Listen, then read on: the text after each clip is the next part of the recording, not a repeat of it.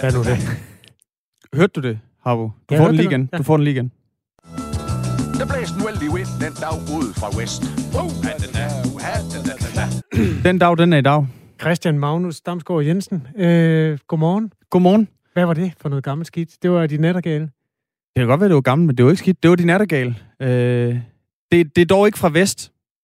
Det blæser i dag. Det, det er fra syd, og det blæser rigtig meget. Øh, det bliver overskyet med en del regn. 5-9 grader. Og så kommer der jævnt til hård vind fra omkring syd. Og senere så går den så over i vest. Så vi får en vældig vind i dag ud fra vest. Okay, det er, øh, hvis der er nogen, der kan bestille vejr her i Danmark, så vil jeg gætte på, at det der det er bestilt af den socialdemokratiske pressetjeneste i anledning af den store genåbningsfest, hvor man gerne vil have, at folk bliver hjemmefra. Øh, Den bliver omtalt i nyhederne hos Anders Weber. Ja, en, øh, en fest, som øh, Rasmus Nør jo ellers skulle have spillet til, men han har meldt afbud i 11. time. Der er mange musikere, der er begyndt at øh, ane, at deres kolleger ikke bryder sig så meget om, at de stiller op til den type arrangementer. Og derfor, det var i hvert fald den begrundelse, Rasmus Nør brugte, og der er også øh, endnu en, der har meldt afbud med samme øh, årsag. Vi øh, kaster lige snøren ud for en sikkerheds skyld. Det kan jo godt være, at der er nogle mennesker, der er tidligt op, som øh, glæder sig til at komme til genåbningsfest på Bertel Thorvaldsens plads i København senere i dag. Der skulle angiveligt være busser på vej fra hele landet. Hvis nogen øh, af busserne har højtalerne stillet ind på Radio 4 morgen, så tag lige og skriv en sms til os. Det kan være, at vi kan få en snak lidt senere i programmet med dig.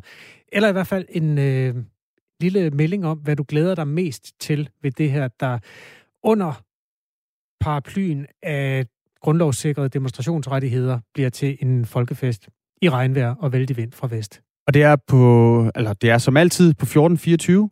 Start din besked med, med R4, så øh, lander den i, i inboxen herinde hos øh, Kasper Harbo og undertegnet.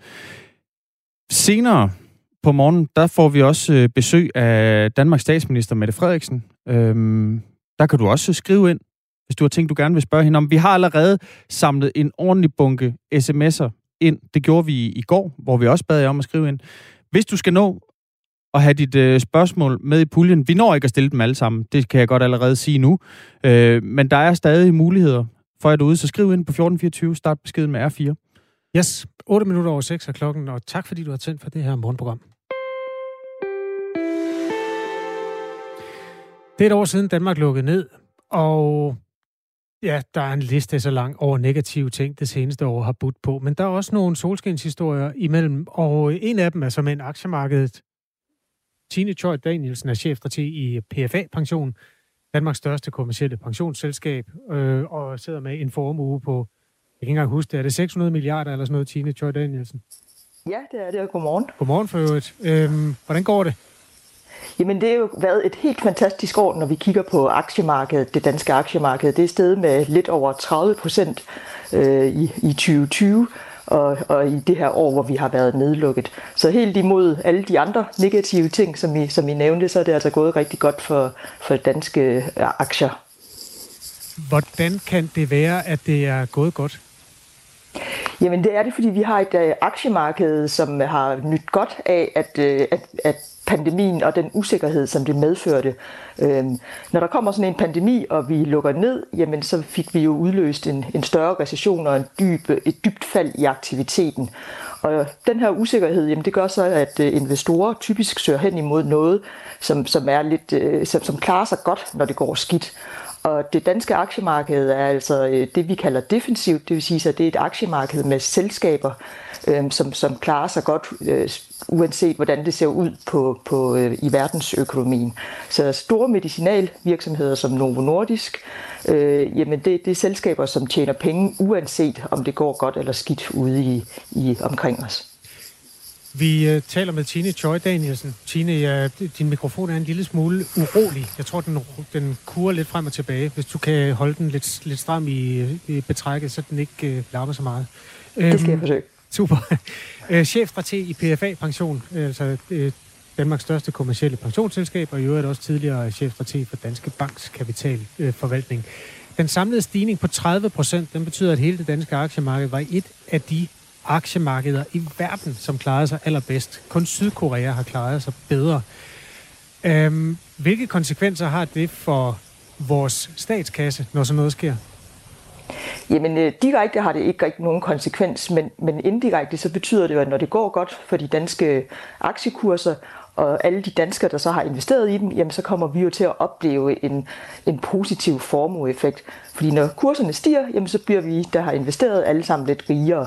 Og den følelse af rigdom gør jo selvfølgelig, at øh, vi også føler, at vi har flere penge på kistebunden, som vi kan gå ud og forbruge.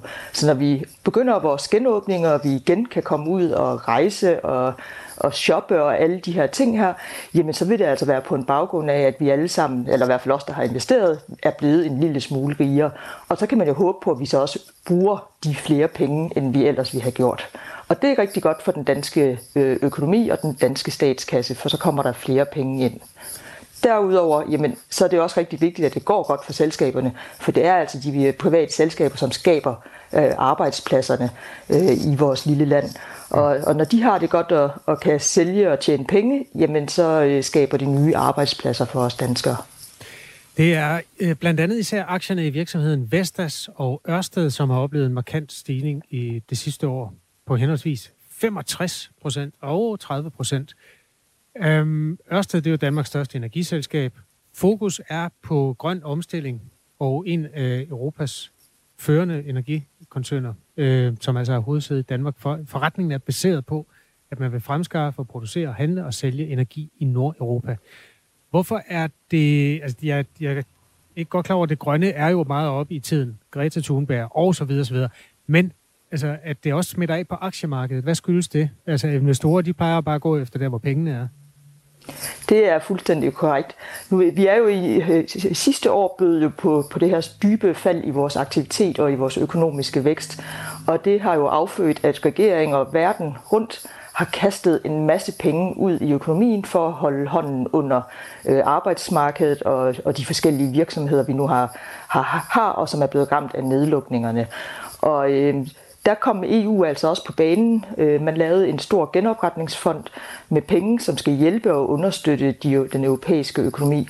Og en rigtig stor del af de penge er øremærket til klimaomstilling, altså investeringer i, i, i klimaomstillingen og, øhm, og den teknologi, der ligger bagved. Og øh, samtidig jamen, så fik vi jo det amerikanske præsidentvalg, hvor Joe Biden øh, han blev valgt, og han øh, har altså også sat, øh, sat klimaomstillingen på, på prioritetslisten. Så der forventer vi altså også, at der kommer en, lindstrøm af penge, der skal investeres fra den offentlige kasser øh, ind i grøn teknologi og klimaomstilling. Og lige præcis her, jamen der har vi jo nogle selskaber, som, øh, som er rigtig godt eksponeret til den medvind, som klimaomstillingen har fået fra, de, fra, fra, det politiske, øh, fra den politiske scene. Og det er altså noget, som, som øh, fik øh, kæmpe fokus i løbet af 2020, og øh, når der kommer sådan nogle meldinger fra de politiske sider, jamen så, så investerer vi investorer altså også efter forventningen om, at de her penge de kommer på et tidspunkt. Og derfor så vi, at øh, blandt andet en Ørsted og Investas, øh, de øh, steg til værs som raketter og faktisk steg på, på linje med de store amerikanske tekstselskaber, som også havde et helt fantastisk år sidste år.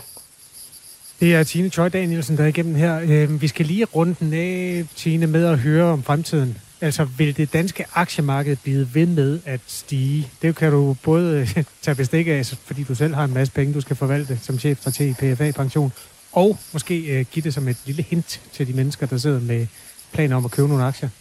Ja, det, det er jo altid svært at spå om fremtiden, men, okay. men ja, vi forventer, at, øh, at det danske aktiemarked også vil stige fremadrettet. Vi er dog kommet lidt dårligt fra start i år, fordi at vi øh, lige præcis steg så meget øh, det seneste års tid. Øhm, og fordi at vi nu går ind i en periode, hvor forventningerne er, at øh, der kommer et stærkt opsving, når vi får genåbnet vores økonomier, jamen der er de danske selskaber altså ikke lige så stærkt placeret til at nyde godt af det her opsving. Der er det mere sektorer, som, som er følsomme over for at en stigende økonomisk vækst, så banker og øh, industri øh, cyklisk forbrug. Det er et forbrug, som, som vi, øh, vi køber, når, når det går godt, og vi har mange penge mellem hænderne. Det er altså nogle af de sektorer, som, som typisk klarer sig bedre. Men dermed ikke sagt, at vores aktiemarked ikke også vil klare sig godt øh, fremadrettet, fordi det er nogle store øh, globale højkvalitetsselskaber, som øh, dominerer det danske aktiemarked, og de skaber altså en vis interesse ikke bare fra danske investorer, men så sandelig også fra de udenlandske investorer. Men, men vi går nok en tid i møde, hvor, hvor vi ikke skal forvente, at øh, det danske aktiemarked bliver det andet bedst performende marked her i 2021. Godt så.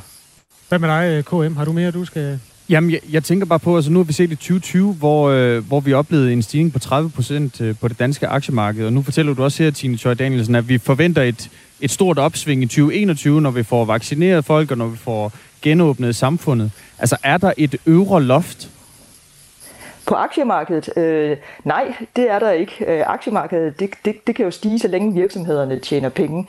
Så det, at, øh, at vi når nogle rekordhøje niveauer, det er altså ikke nogen forhindring for, at, at, øh, at kursstigningerne ikke kan fortsætte. Det hele det handler jo om, hvordan øh, økonomien den ser ud, og hvordan om, om virksomhederne de er gode til at tjene penge. Og vi har altså øh, her i Danmark nogle selskaber, som er gode til at omstille sig, øh, de skiftende øh, trends øh, rundt omkring i verdensøkonomien. Øh, og, vi, og vi har en sidder på en stor viden øh, øh inden for forskellige teknologier, især på på, inden for klimafrems, øh, hvad hedder det, klimateknologierne. Og i den her omskiftelige verden, øh, vi har, jamen, så har, det, har de danske selskaber været rigtig gode til at følge med de her trends og udviklinger. Øh, vi ser det for eksempel også øh, i, i en Mærsk, som også har digitaliseret og som har nyt, øh, som nyder rigtig godt af, af den proces. Så jeg tror på, at, at, at øh, vi med den viden, vi besidder her i Danmark, jamen der vil vi også formå at følge med, og dermed også øh, kunne, kunne følge, øh, være, ja, opleve, at vores øh, aktier de fortsat vil være lige så attraktive, som de også har været i de seneste mange år. Tak for analysen, Tine Choi Danielsen. Selv tak. Og god dag til dig. Altså chefstrateg i PFA Pension og forvalter af en kæmpe pensionsformue på vegne af en masse private øh, investorer i Danmark. Det er man jo per definition, når man har sådan en pensionsopsparing anbragt. Jeg fik lige lyst til at kigge på, hvilke aktiemarkeder, der klarer sig dårligst. Ja. Jeg faldt øh, ind i, jeg ved ikke, om det hedder en top 10, når det er sådan er bunden. Det var så Sydkorea, der havde klaret sig bedst. Danmark næst bedst. Ja. Hvad øh, har vi i den anden ende? Jamen, der er en del afrikanske lande, hvor man nok skulle have holdt sig væk fra aktiemarkedet. Det vil komme som chok for nogen. Øh, andre tænker, ja, det gjorde jeg også. Men øh, der er faktisk et enkelt europæisk land, som er med i bunden. Et vesteuropæisk land. Det var der, man truttede i fløjterne på skibarerne. Nej. Jo, er det Østrig. rigtigt? Det østriske aktiemarked faldt 18 procent sidste år. Det, det, altså, det, det kunne godt være, at vi skulle være glade for i, i Danmark, at vi har øh, sådan en rimelig hæftig både medicinalindustri, men altså også, også grøn energi. Ja, altså Østrig har også været nævnt i forbindelse med vaccineproduktion i virkeligheden. Men øh, Okay, jeg har i hvert fald set dem nævnt øh, under en uh, tur til Israel, som Mette Frederiksen tog på, men det er sådan set også det. De har noget at arbejde med. Landet, der øh, ja, i øvrigt uh, gav os de første tilfælde her i, til lands af coronaen. Det var aktiemarkedet. Øh, klokken den er 18 minutter over 6. Du hører Radio 4 morgen. Det er Christian Damsgaard Jensen og Kasper Harbo, der er på banen her til morgen. NASA de er i gang med at bygge øh, hus øh, til månen, og nu har Rusland og Kina så meldt ud, at de går sammen om at bygge en rumstation på månen. Morten Andersen, godmorgen. Du er videnskabsjournalist hos øh, DTU Space. Altså, allerførst, hvad er formålet med en rumstation på månen? Ja, men øh, der kan være flere øh, fordele og idéer bag at have en, øh, en rumstation øh, op på månen. Altså, i, helt generelt så er det jo fordi, det er videnskabeligt spændende at komme derop igen. Det er jo efterhånden ved at være 40 år siden, der har været mennesker deroppe. Det var i 70'erne. En anden ting er, at der faktisk også er nogle råstoffer at udvinde derop. Og en, en tredje ting, det er, at det kan være en gateway og et træningssted, hvis man gerne vil, vil videre ud til Mars. Så det er altså en, en slags mellemstation på vej til Mars? Ja, det, det kan det være. Det, det kan jeg lige øh, vende tilbage til. Øh, hvad hedder det? Det er jo, det er jo sådan, at øh, hvis man, hvis man øh, skal ud, ja, lad os lige sige, hvis vi skal ud til Mars, så, eller som skal ud til Mars, så skal man træne i sådan et øh, ekstremt miljø, der er noget længere væk fra jorden end de her rumstationer. Altså for eksempel den internationale rumstation, den befinder sig jo kun 400 km over jorden. Der er 1000 gange længere ud til månen, 400.000 km. Så hvis man får sat en base enten i kredsløb om, om månen, ligesom øh, rumstationen kredser omkring jorden, eller man får plantet en base op på månen, eller har begge dele, så kan man lave meget mere, kan man sige, realistisk træning øh, i forhold til at lære, hvad der skal til for at få mennesker helt ud til, til Mars. Det kan man ikke træne lige så godt øh, hernede på jorden. Rusland de sagde øh, for nylig, at de altså ikke øh, vil være med i samarbejdet om, om den rumstation på månen, som USA også planlægger. Så nu går russerne så sammen med kineserne i stedet for. Det er altså også grunden til, at vi taler med, med dig, Morten Andersen, ja. som altså er, er journalist hos, hos DTU Space. Hvorfor ja. ser vi det her russisk-kinesiske samarbejde lige nu? Jamen, det er jo et super interessant øh, samarbejde, Rusland og Kina har indledt om, om så at få bygget den her base, eller få en øh, bemandet rumstation i kredsløb derop. Der, der er flere elementer i det. Som I nævnte lige før, så ville øh, Rusland tidligere gerne arbejde sammen med USA. Det var i 2015. Der, der aftalte Rusland og USA, at de, NASA og Roskosmos i USA, at de vil gerne øh, indgå et samarbejde om det amerikanske månebaseprojekt, for amerikanerne er nemlig også i gang, det er ikke kun kineserne og russerne, Artemis-projektet hedder det. Så sidste år i 2020 meldte de så ud, øh, russerne, at det ville de alligevel ikke, og så ser vi så, at de har lavet den her aftale med kineserne nu, og omvendt kineserne har lavet den aftale. Så det er jo ikke bare teknologi- og rumforskningssamarbejde, der er også et politisk spil om, øh, hvem er det, man allierer sig med, og hvilke signaler ligger der i det. Og på den det, det er super smart, det, det her set fra et russisk-kinesisk synspunkt, fordi Rusland har, har brug for Kina, som har overhalet dem teknologisk på mange områder. Kina er til gengæld den øh, nye øh, dreng i rumklassen, så at sige. De har, de har været kommet sent i gang med deres rumprogram, så de mangler Ruslands øh, store rumerfaring, så det er super godt tænkt egentlig. Og til stor irritation, eller nogen irritation i hvert fald, til, for, for store klassiske rumnationer som øh, USA. Mm. Så, så, så i 2015, der var russerne helt klar på at samarbejde med amerikanerne om at bygge en rumstation på månen. Og nu her, seks år senere, så vil de så ikke mere. Så øh, vender de sig så mod, mod Øst og, og Kina i stedet for. Hvad, hvad er grunden til det? Er det politik? Det, det er i hvert fald øh, delvis politik, og så lige det, jeg sagde der med, at øh, hvad hedder det, nu kan, man, nu kan, nu kan de få god gavn af hinanden. Øh, kineserne kan, kan lære russerne, russerne kan få noget teknologi, de, de ikke helt har i dag af kineserne, så der, der er god grund til at have det øh, øh samarbejde. Og, og så er der også det her i det, altså det er jo et, et nyt øh, rumkapløb, kan man sige. Et rumpolitisk øh, magtspil, om man vil. Øh, Kina-Rusland over for USA-Europa. Og nu vil kineserne gerne vise, at de teknologisk er foran, eller i hvert fald mindst lige så gode som øh, øh os i, i Vesten, som russerne, at, at man teknologisk magter at etablere sådan en øh, base øh, på månen. Det er, jo, hvad, det, det er jo sådan lidt en teknologisk bedrift at kunne gøre det, selvom mennesket jo har været på månen. Det er amerikanerne, det er det eneste, der har været der hidtil. Øh, hvad hedder det? Men det er sådan lidt ligesom under den kolde krig, hvor det var Sovjetunionen over for USA, og begge parter ville vise verden, se hvor gode vi er, i må hellere holde med os. Og det var så det her rumkapløb, som USA som bekendt øh, vandt. Den anden ting, jeg lige nævnte, der var i det, det er der med, at der er stor interesse for månen af kommersielle årsager. Der kan udvindes øh, meget kostbare sjældne metaller, som de kaldes. Så noget, der kaldes øh, noget, der hedder neodymium, og noget, der hedder lantan, som blandt andet bruges i mobiltelefoner, højtalere og i batterier. Og det er nogle, øh, der er også en række andre øh, kostbare metaller, silicium og titanium.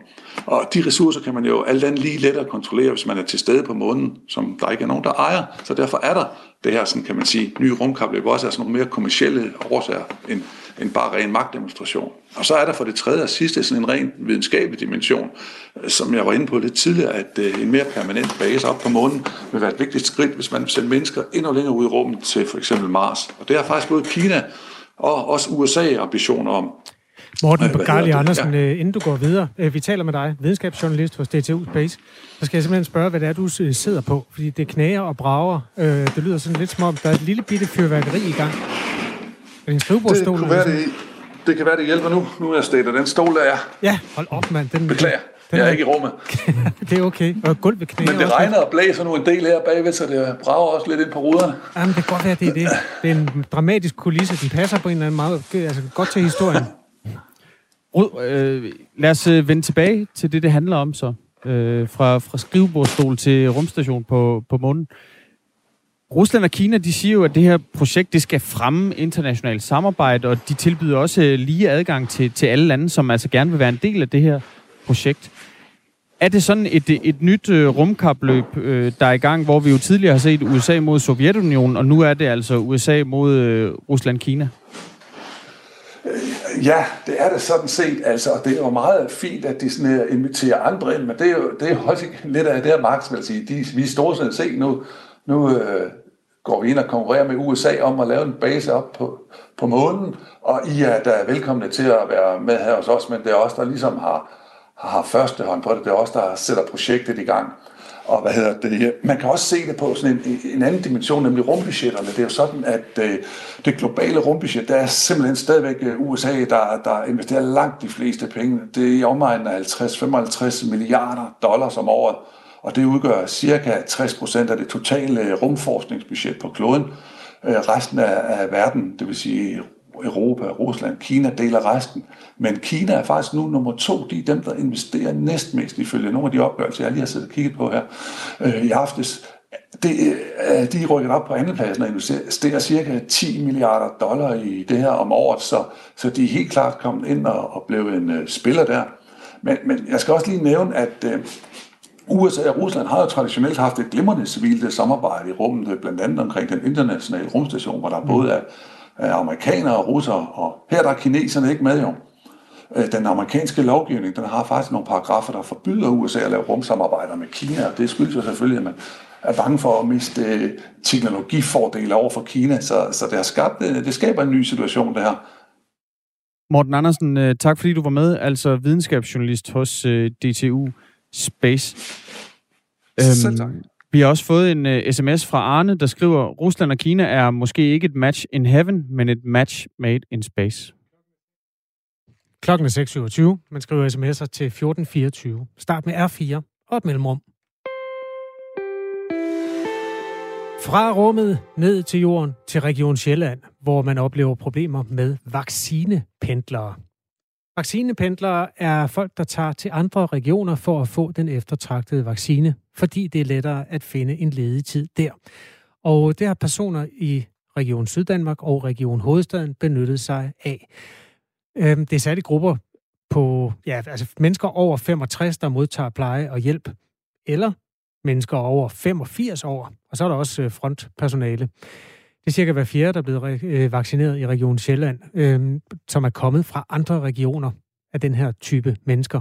Så er der i gruppen med personer med sygdomme, der medfører øget risiko. Her kommer hele 40 procent af de vaccinerede fra andre regioner rejsende til Region Sjælland for at få det eftertragtede stik.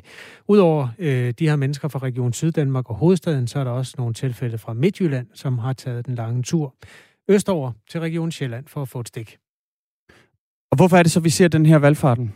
Det spørgsmål, det øh, forsøgte vi at få svar på fra professor emeritus i social medicin på Københavns Universitet, Finn Didriksen.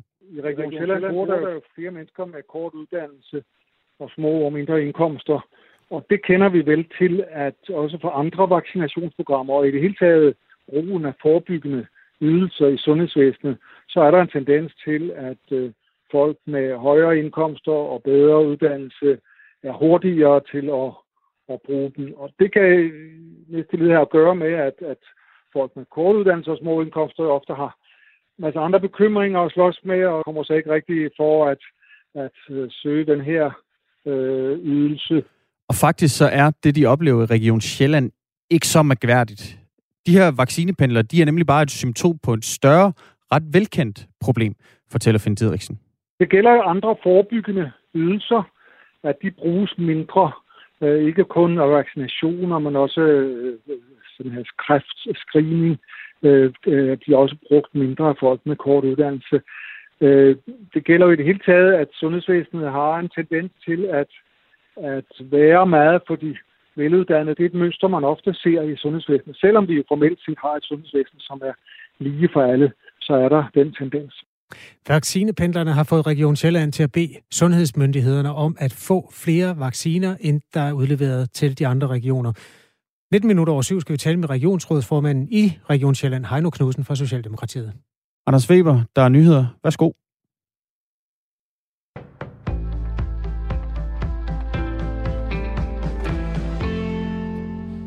Dag er det præcis et år siden, at den første store coronanedlukning ramte Danmark. Siden kom flere til, og det sænkede aktiviteten i samfundet og gik hårdt ud over økonomien, hvor regningen anslås at ville løbe op i flere hundrede milliarder kroner. Antallet af dødsfald er nu på 2.381.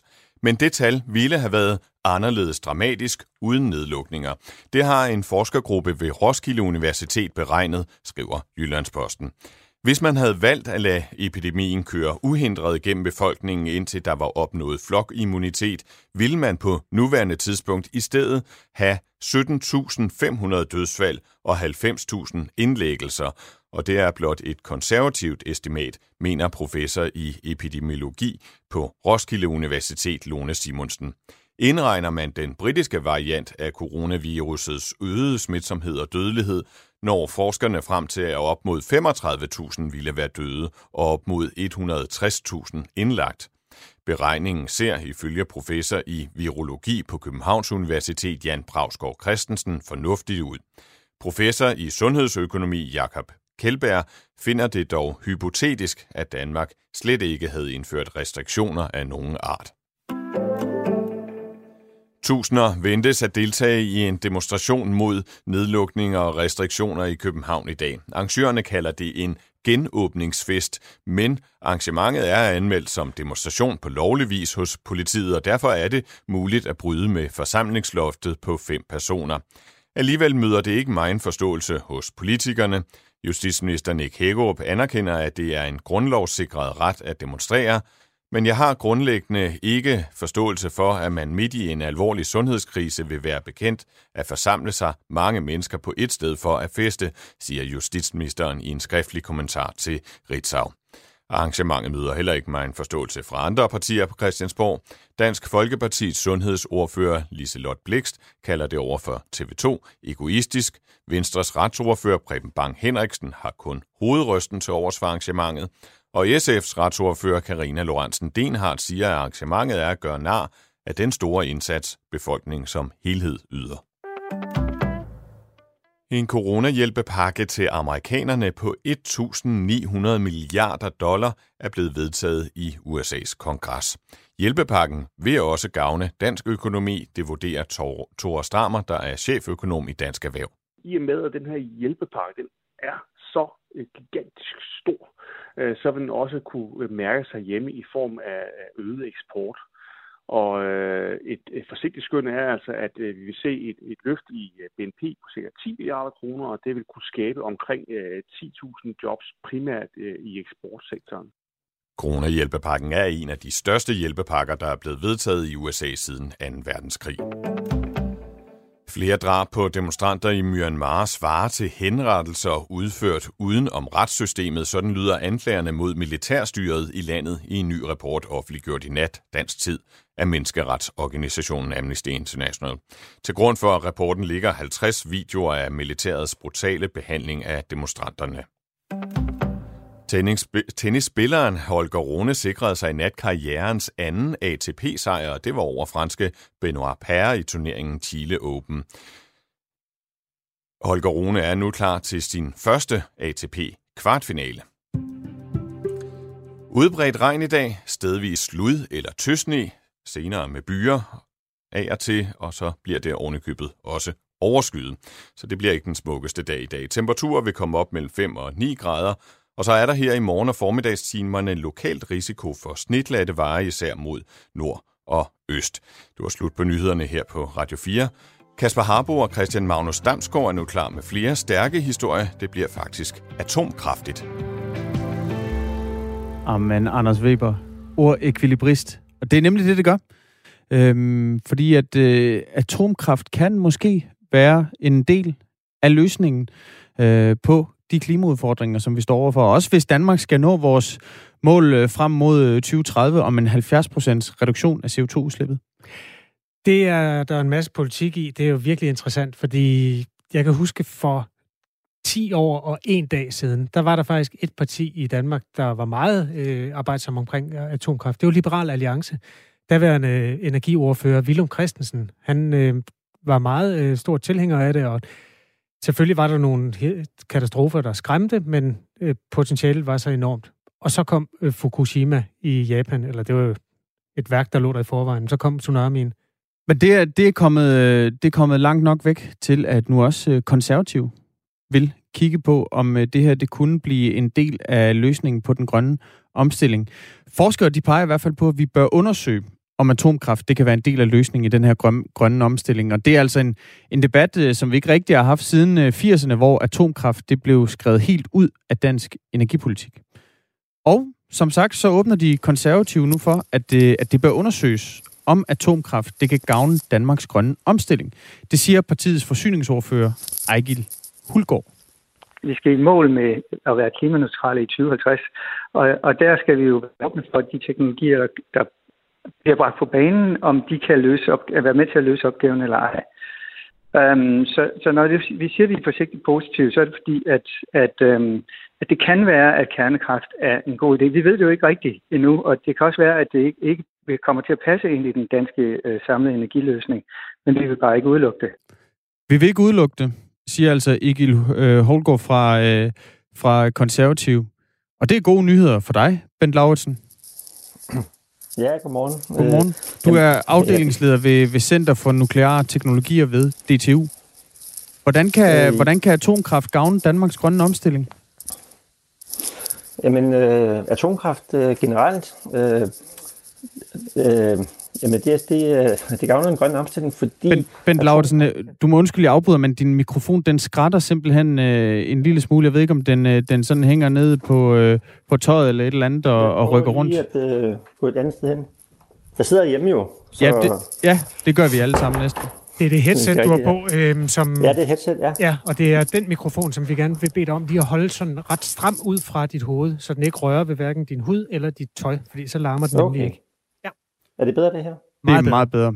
Øhm, ben Lauritsen, altså afdelingsleder ved Center for Nukleare Teknologier ved DTU. Hvad kan atomkraft gøre for Danmarks grønne omstilling? Atomkraft det kan gå direkte ind og erstatte kul og naturgas. Altså atomkraft det udleder ikke CO2, og øh, det er styrbar energi, det vil sige, at du kan regulere strømmen efter, efter hvordan forbruget er. Øh, og det er derfor, at øh, jeg siger, at det er en af de alternativer, vi har til kul og naturgas. Øh, og det betyder også, at hvis vi skal fjerne os fra, fra den energiforsyning, vi har i dag, som er baseret på fossile brændsler, så har vi ikke så mange muligheder øh, i realiteten. Øh, men atomkraft det er en af de muligheder, vi har. Hvad, hvad er det, som du gerne øh, så, der blev undersøgt? Jamen, jeg, jeg så gerne, at vi lavede en... Øh, at for det første, at vi, at vi tog atomkraft alvorligt, også i Danmark, og, og kiggede på, om det giver mening øh, økonomisk, øh, placeringsmæssigt, øh, at have atomkraft i Danmark. Øh, og også se øh, i, i lyset af, at vi i dag har en energiforsyning, som er helt anderledes end den, vi havde for 40 år siden. Vi er baseret på vedvarende energi i stor udstrækning, og vi er nødt til at undersøge, hvordan kan atomkraft, øh, eller kan atomkraft i det hele taget passe ind i en dansk energiforsyning, hvor der er så meget vindenergi, som vi har. De fleste af Folketingspartier er imod atomkraft i Danmark. De vil ikke engang undersøge, om atomkraft kunne være en mulighed. Øhm, Liberal Alliance og Nye Borgerlige er for, og så åbner konservative altså nu.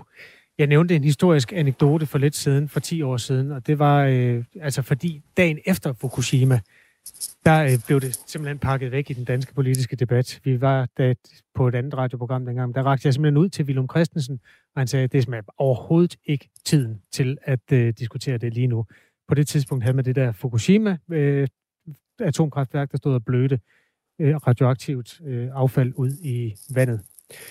Men det er altså der, hvor man kan sige, at tiden er, er gået øh, tilstrækkeligt længe til, at man nu åbner den igen. Og det, øh, det er blandt andet øh, de fleste af Folketingets partier, som er imod atomkraft i Danmark. De vil øh, sågar ikke engang undersøge, om atomkraft det kunne være en mulighed. Det er altså kun Liberal Alliance og Nyborgerlige, øh, som er for. Og så har konservativ nu altså også åbnet op for, for at undersøge mulighederne. Jens Hesselberg Christensen, der er klimaforsker ved Københavns Universitet, mener, at Danmark bør holde døren åbne for de her nye muligheder? Nå klimamålene fra Danmarks side, det er, det er en meget ambitiøs og, og øh, krævende opgave.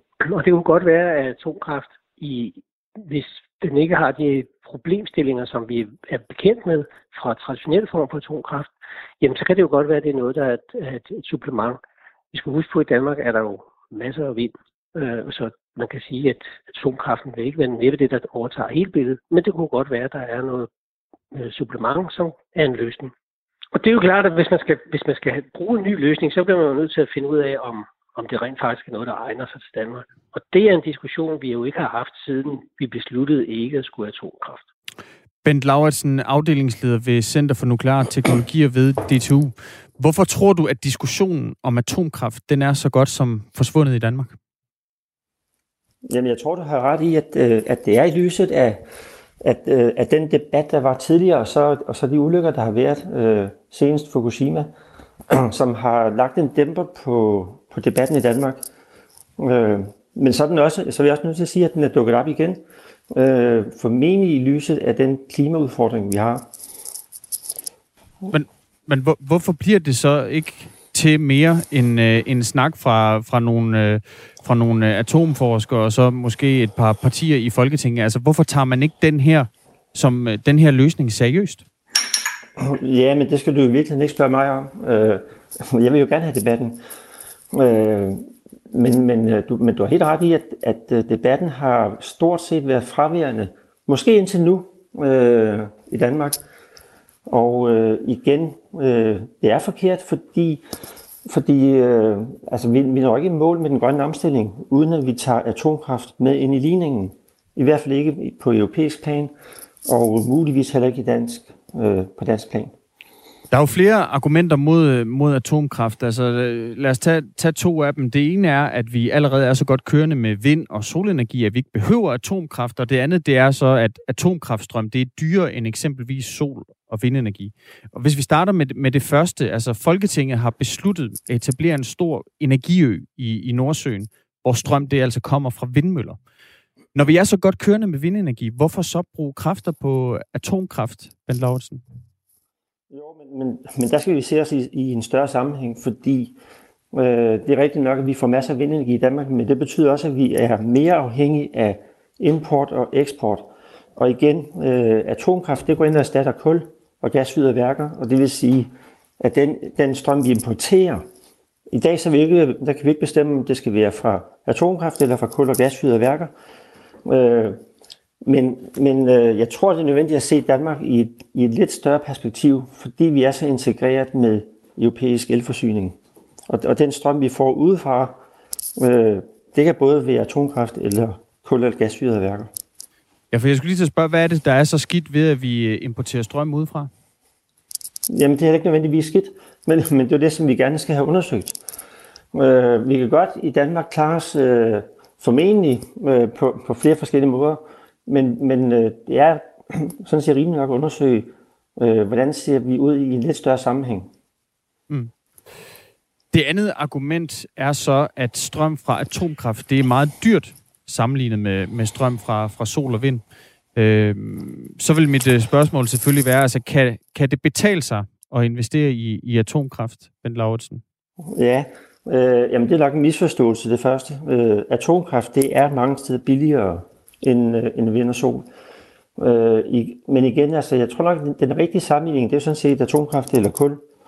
Øh, men, øh, men det er rigtigt, at øh, hvis man snakker om prisen, at vind og sol, det er jo faldet øh, drastisk i pris øh, inden for de senere år, og er blevet billigt. Øh, og, og det viser så også, at, øh, at øh, den billigste løsning, det er nok en kombination i virkeligheden, hvor du har både atomkraft og vedvarende energi.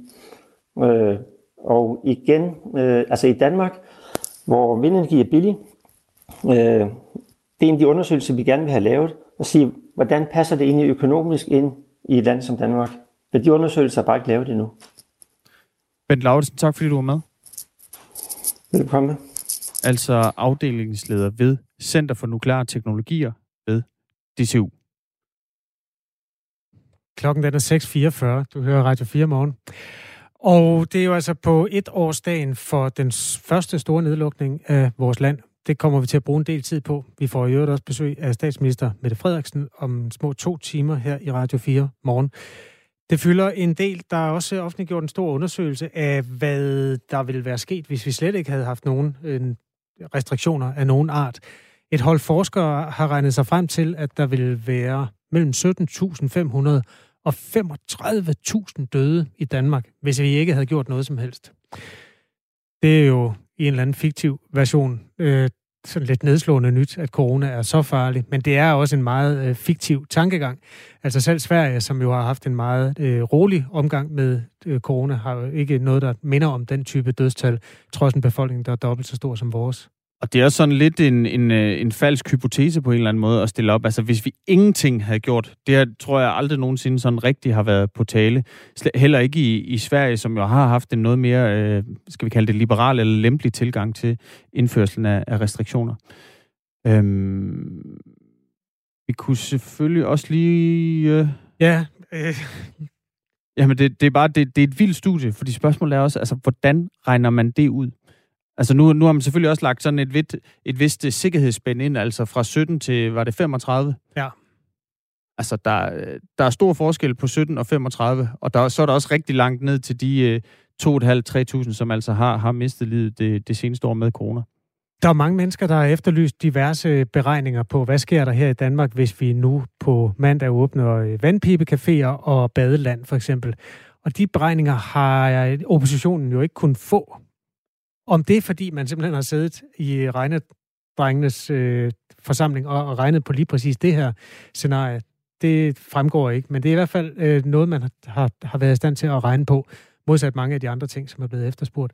35.000 mennesker, som så ikke er døde. Altså, det er jo i sin egen lidt bizarre version en god nyhed. Og det er altså... Ja. ja, det var mere også bare for at sige, den 11. marts, det er jo et år siden, at øh, at Danmark blev lukket ned i det her øh, famøse pressemøde, hvor øh, folk de rejste ud og købte, øh, købte gær og lokumsruller.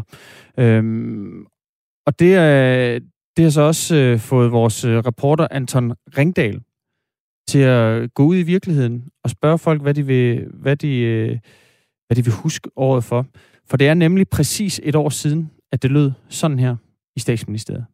Det jeg vil sige i aften, det kommer til at få store konsekvenser for alle danskere.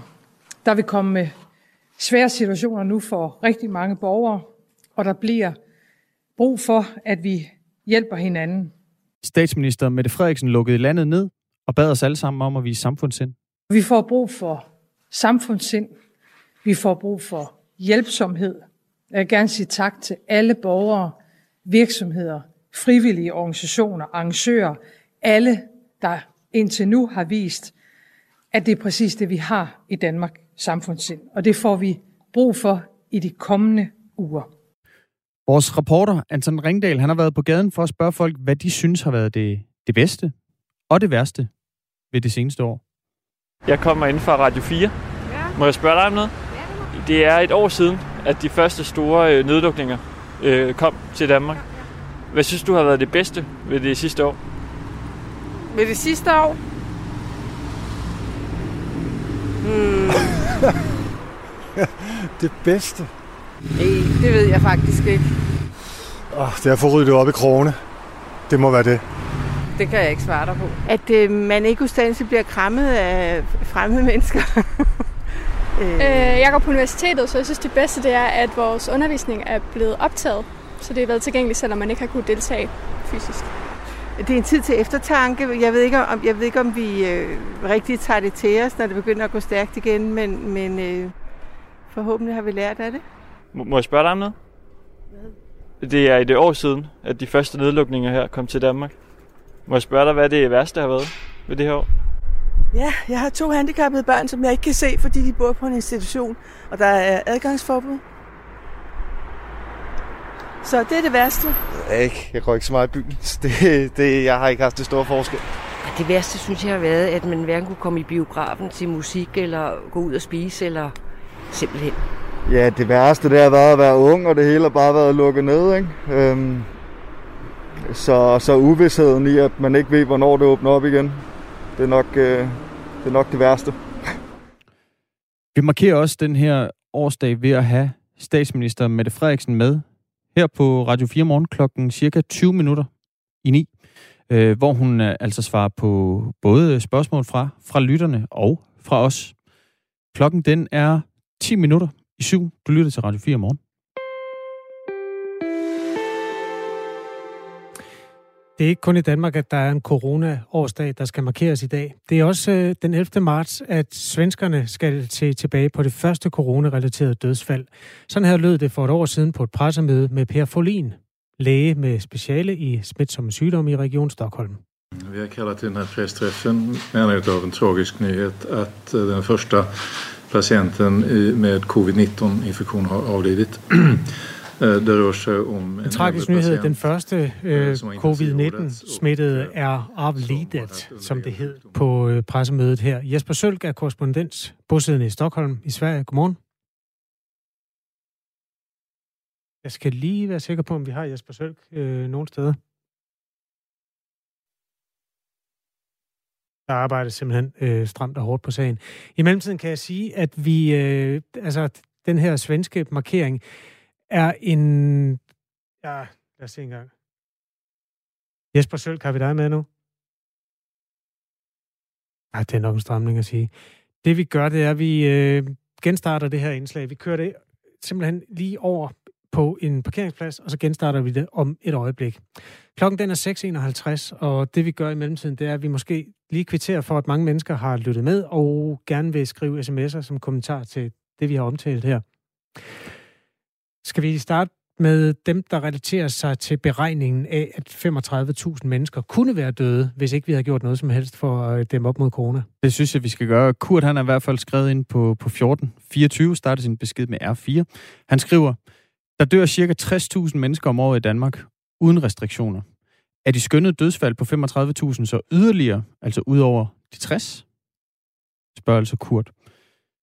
Så er der også en, der skriver, hvis der er en dødelighed på 3%, så kan man vel regne sig frem til det. Hvorfor skal man så korrigere for, at flokimmunitet opstår? Ja, der står, hvor skal man så øh, Hvor skal man så korrigere, korrigere for? Og så er der også en, en sidste sms øh, der øh, fra en lytter, der skriver, Tal er taknemmelige, og de har ofte en livlig fantasi på ruk. Fra de mennesker, der kunne være døde, men som formentlig ikke er det, skal vi så øh, tilbage til det øh, med første menneske, der er døde øh, med corona i Sverige. Jesper Sølk, er du med os nu? Det er en af de dage. Vi prøver det igen. Jesper Sølk. Godmorgen. Kan ah, der var du. Mm. Vi er meget glade for at høre din stemme, fordi vi har råbt efter dig i øh, flere minutter. Dejligt, at du er med.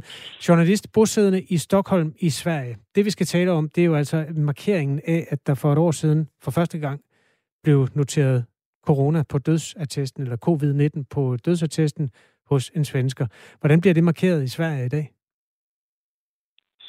Det bliver markeret med en øh, gudstjeneste inde i øh, Dronningsholms Slotskirke. Det er øh, de kongelige, den kongelige kirke, så at sige, hvor at øh, både kongen og dronningen, men også kronprinseparet kommer til at deltage i en øh, gudstjeneste. Og det er altså efter, at for et år siden, der var det ikke bare alene det første dødsfald her i Sverige, det var faktisk det første dødsfald med covid-19 i Skandinavien, som var en øh, ældre patient ude på Karolinska øh, Universitetshospitalet øh, lidt her uden for, for Stockholm. Så det er en dag, hvor man, øh, hvor man mindes øh, de mange, mange ofre, som har været her i, i Sverige for covid-19, og de mange i virkeligheden, jamen, altså den, den, den hårde tid, det har været her i Sverige jo på, på en anden måde end i Danmark, men, men trods alt en, øh, en dag, som, øh, som skal huskes, mener de derovre i Sverige. Det, der er virkeligheden i Danmark i øjeblikket, er, at man begynder at åbne. Diskussionen er ikke, om man skal åbne, men hvor meget. Der er over 200 mennesker indlagt, men altså man er langt fra det værste scenarie, som man har frygtet i forbindelse med genåbningerne. Hvor er man henne i Sverige i forhold til de her bølger, og hvor meget øh, tør man åbne lige nu? Altså for det første har, har Sverige jo igennem hele pandemien været relativt åben. Øh, set ikke alene i forhold til, til Danmark og de øvrige nordiske lande, men i set i forhold til, til hele verden. Så det er sådan udgangspunktet. Her i Sverige er man i øjeblikket øh, meget tydeligt inde i en tredje bølge, som bliver drevet meget af de her mutationer, hvor du ser både den britiske mutation og den sydafrikanske øh, variant være, være ret omsagsgribende øh, her i Sverige. Der er flere kommuner, som har store udbrud med det. Øhm, men man har i øjeblikket de hårdeste restriktioner, man har haft indtil videre i Sverige. Og der er det så bare værd at huske, det siger ikke så meget, når man tænker på, hvad vi har været igennem af nedlukninger i, i Danmark. Faktisk er det jo sådan, at øh, nedlukningerne i Danmark selv, når de åbner op, er større end dem, man har på nuværende tidspunkt i Sverige, hvor det er på det på det hårdeste. Øh, så det er jo sådan stadigvæk, at øh, skoler er åbne herover, øh, restauranter er åbne, der er nogle begrænsninger på, hvor mange der må sidde ved hvert bord, man kan gå i fitnesscenter, man kan gå ned og blive klippet osv. Så, så det er en, en helt anden balance, de har valgt hele vejen igennem her i, i Sverige. Dødstallet er øh, i øjeblikket på 13.088 i øh, Sverige, og hvis man korrigerer for indbyggertal, så er det lige omkring tre gange så mange som Danmark. Når man prøver at følge med, så kan man se, at de kommer sådan lidt mere klumpvis, de der rapporteringer øh, af dødsfald. Her i Danmark virker det til, at man fra Statens Serum Institut og sundhedsmyndighederne går så umage med at øh, melde ud hver eneste dag. I Sverige, der kan der nogle gange gå tre dage, og så kommer der pludselig en melding om, jamen siden sidst er der, og jeg husker en dag, hvor man meldte, at der var 351 nye dødsfald øhm, i, i sådan en, en klump der. Hvordan bliver det overbragt til befolkningen, for det første? Altså er der stadig de der pressemøder med Teknel og company? For det andet, hvordan bliver det modtaget? Altså det er jo stadigvæk store tal. Det bliver stadigvæk overleveret nærmest på daglig basis. Jeg tror, at nogle af de store klumper, det er fordi, man ikke indrapporterer hen over weekenderne. Øh, så der er ofte et øh, efterslæb, og så kan det også være sådan, at indrapporteringer fra kommunerne, som for eksempel, hvis der, hvis der er en, der er død, lad os sige, den 1. februar, så er det godt være, at det først bliver indrapporteret øh, 6-7 dage senere, men så bliver det så ja, rettet tilbage. Øh, så, så i virkeligheden får, får svenskerne nogenlunde informationerne på samme måde som i, øh, i Danmark.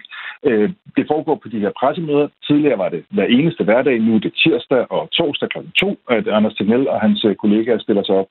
Hvordan bliver det så modtaget? Jamen altså, øh, her i Sverige, der har man jo man har haft en stor diskussion om, hvorvidt at, øh, at Sverige har gjort det rigtigt, om strategien har været den rigtige.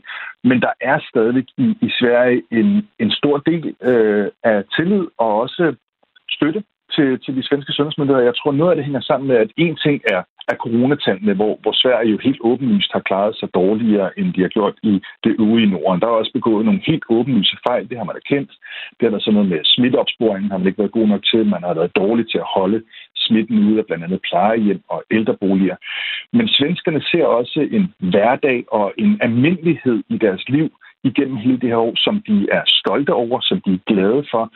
Og så er de ikke helt sikre på det her med, at nedlukningerne rundt omkring i verden har været den rigtige løsning. Altså, de kigger ikke kun på Danmark og Norge, de kigger også på lande som Storbritannien og Frankrig og Spanien, som har været igennem nogle kæmpe store nedlukninger, virkelig har lavet store restriktioner på deres indbygger, men alligevel har på tallene flere døde per indbygger end Sverige. Og der sidder de lidt og kigger, hmm, så kan det godt være, at vi har fat i noget øh, her, der er blevet gået fejl. Men det her med de helt hårde nedlukninger har jo ikke været sådan en magisk løsning, som bare kunne løse øh, alt. Og det er en af de diskussioner, som, som stadig er i Sverige.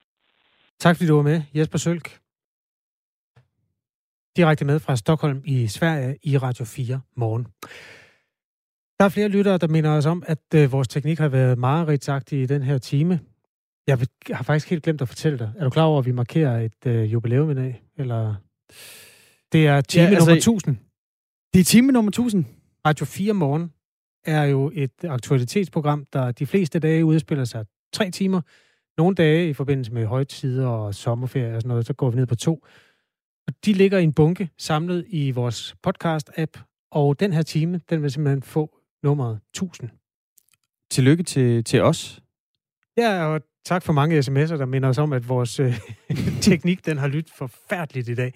Vi har været uheldige med nogle mikrofoner, der er skrættet, og folk, vi ikke har kunnet få med. Det er vi ked af. Det må du undskylde som licens- og skattebetaler i det her land. Du har fortjent meget bedre end det. Vi skal nok gøre os umage. Det kunne jo også være, at det simpelthen skyldes den, øh, den stridblæst, der kommer fra syd lige nu. Altså, mm. det, det må være det. Lad os give vejret skylden. Efter nyhederne, som kommer lige om en halv minuts penge, der skal vi tale om en øh, hjælpepakke, der er blevet givet i, i USA til, øh, til coronaramte virksomheder og borgere. Det er en hjælpepakke på lige under 2.000 milliarder dollar. Det svarer altså til 12 billioner danske kroner. Vi kommer også til at øh, spørge dig, der lytter med, om du er en af dem, der skal til genåbningsfest, som det kaldes, i København. Hvis du er en af dem, der skal ud og markere det i en form på fest, så skriv lige til os på 1424. Start din besked med R4 og et mellemrum.